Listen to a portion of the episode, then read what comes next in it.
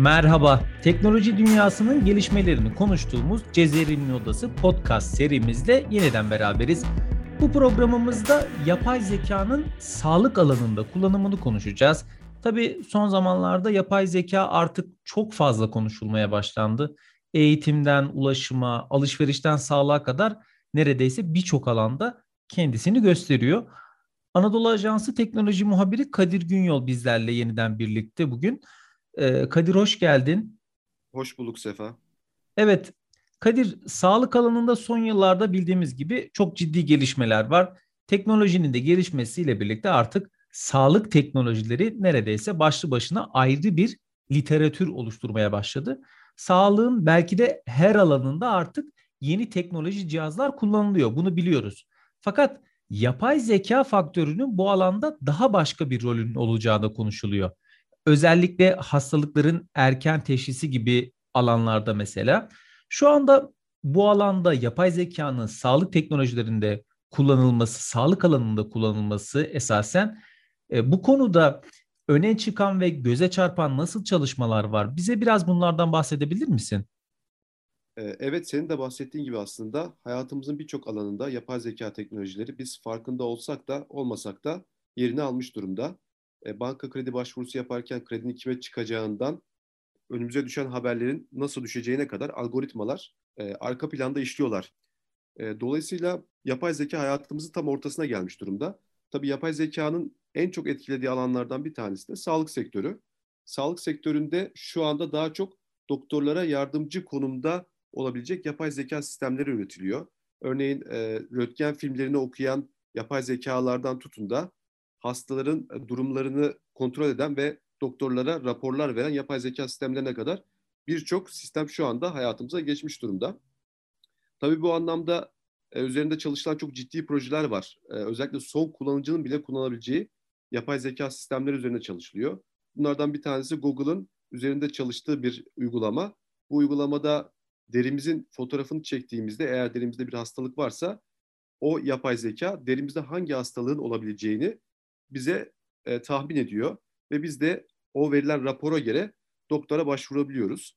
E, bunun haricinde kişilerin sağlık geçmişlerinden yararlanarak doktorlara raporlar sunabilecek yapay zeka uygulamalar üzerinde de çalışmalar yapılabiliyor.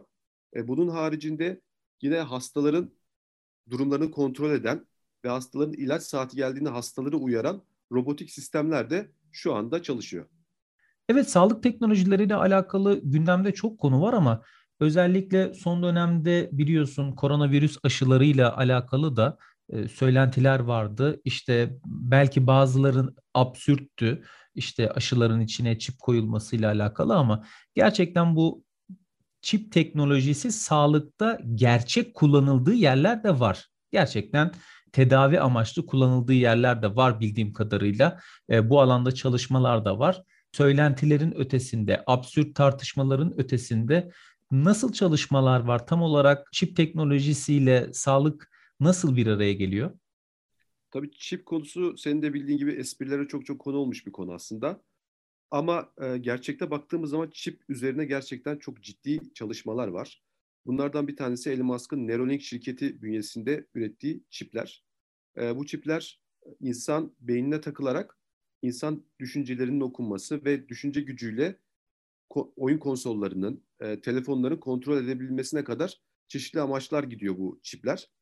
E, bu çipten biraz bahsedecek olursak Elon Musk geçen aylarda açıkladığı projesinde bu çiplerin özellikle felçli insanlar için büyük kolaylıklar sağlayacağını söyledi. Beynimize yerleştirilen bu çiplerle hiç kolumuzu oynatmadan özellikle felçli insanlar için telefon ve bilgisayarları kullanabilmesi sağlanacak bu çipler sayesinde. E, bu kullanım alanı mevcut. Tabii bu çipler getirdikleri kolaylıkları yanında aslında birçok endişeyi de beraberinde getiriyor. Bununla ilgili yapılmış bir araştırma var. İstersen biraz o araştırmadan sana bahsedeyim bir şirket, araştırma şirketi kullanıcılara bu çipten korkmalı mıyız, korkmamalı mıyız, siz faydalı buluyor musunuz gibi sorular sormuş.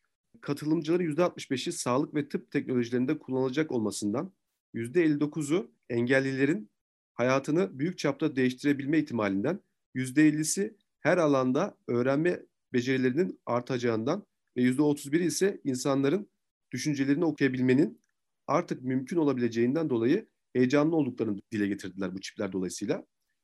Katılımcıların %58'i hükümetlerin halkların beynini kendi istedikleri gibi yönlendirecekleri için bu e, çalışmadan rahatsız olduklarını da söylemişlerdi.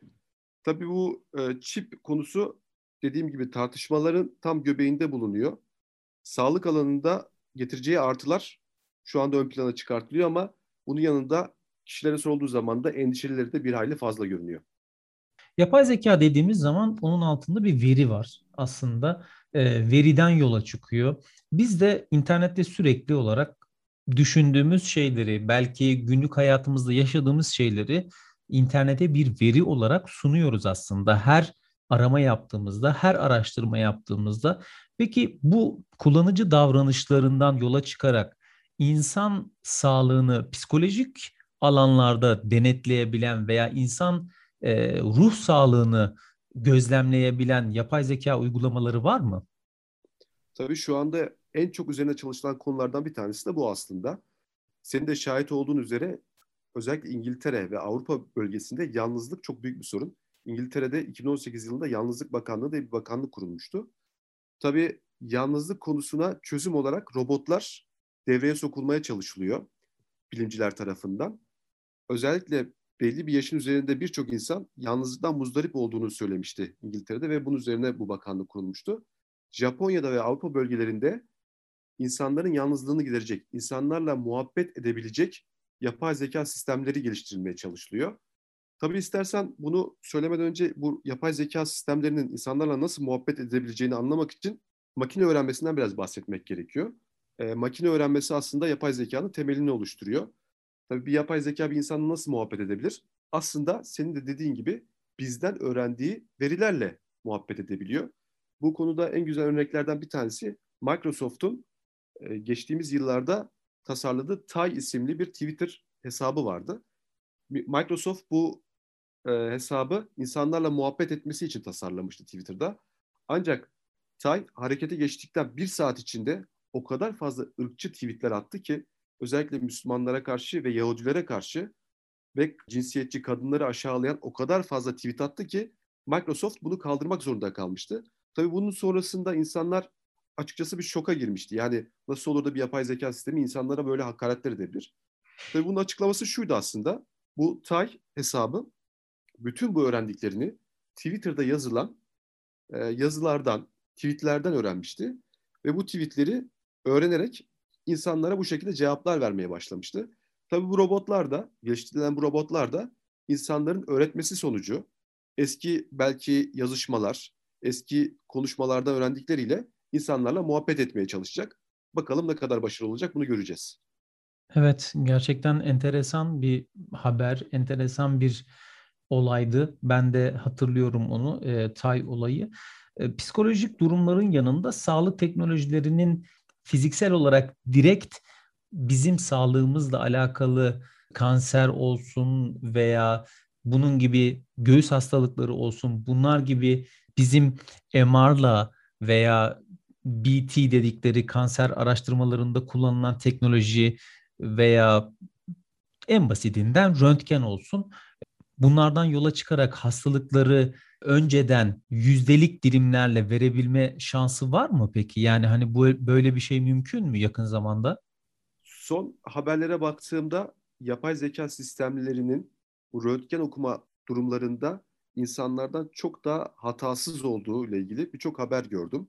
Ve özellikle bu zaman anlamında yapay zeka sistemleri biliyorsun çok hızlı tarama yapabildikleri için özellikle teşhisi erken koyma anlamında doktorlara yardımcı olma anlamında yine çok büyük faydasının dokunacağı bilim dünyasında konuşuluyor şu anda. Evet. Bir de son olarak da şunu sorayım.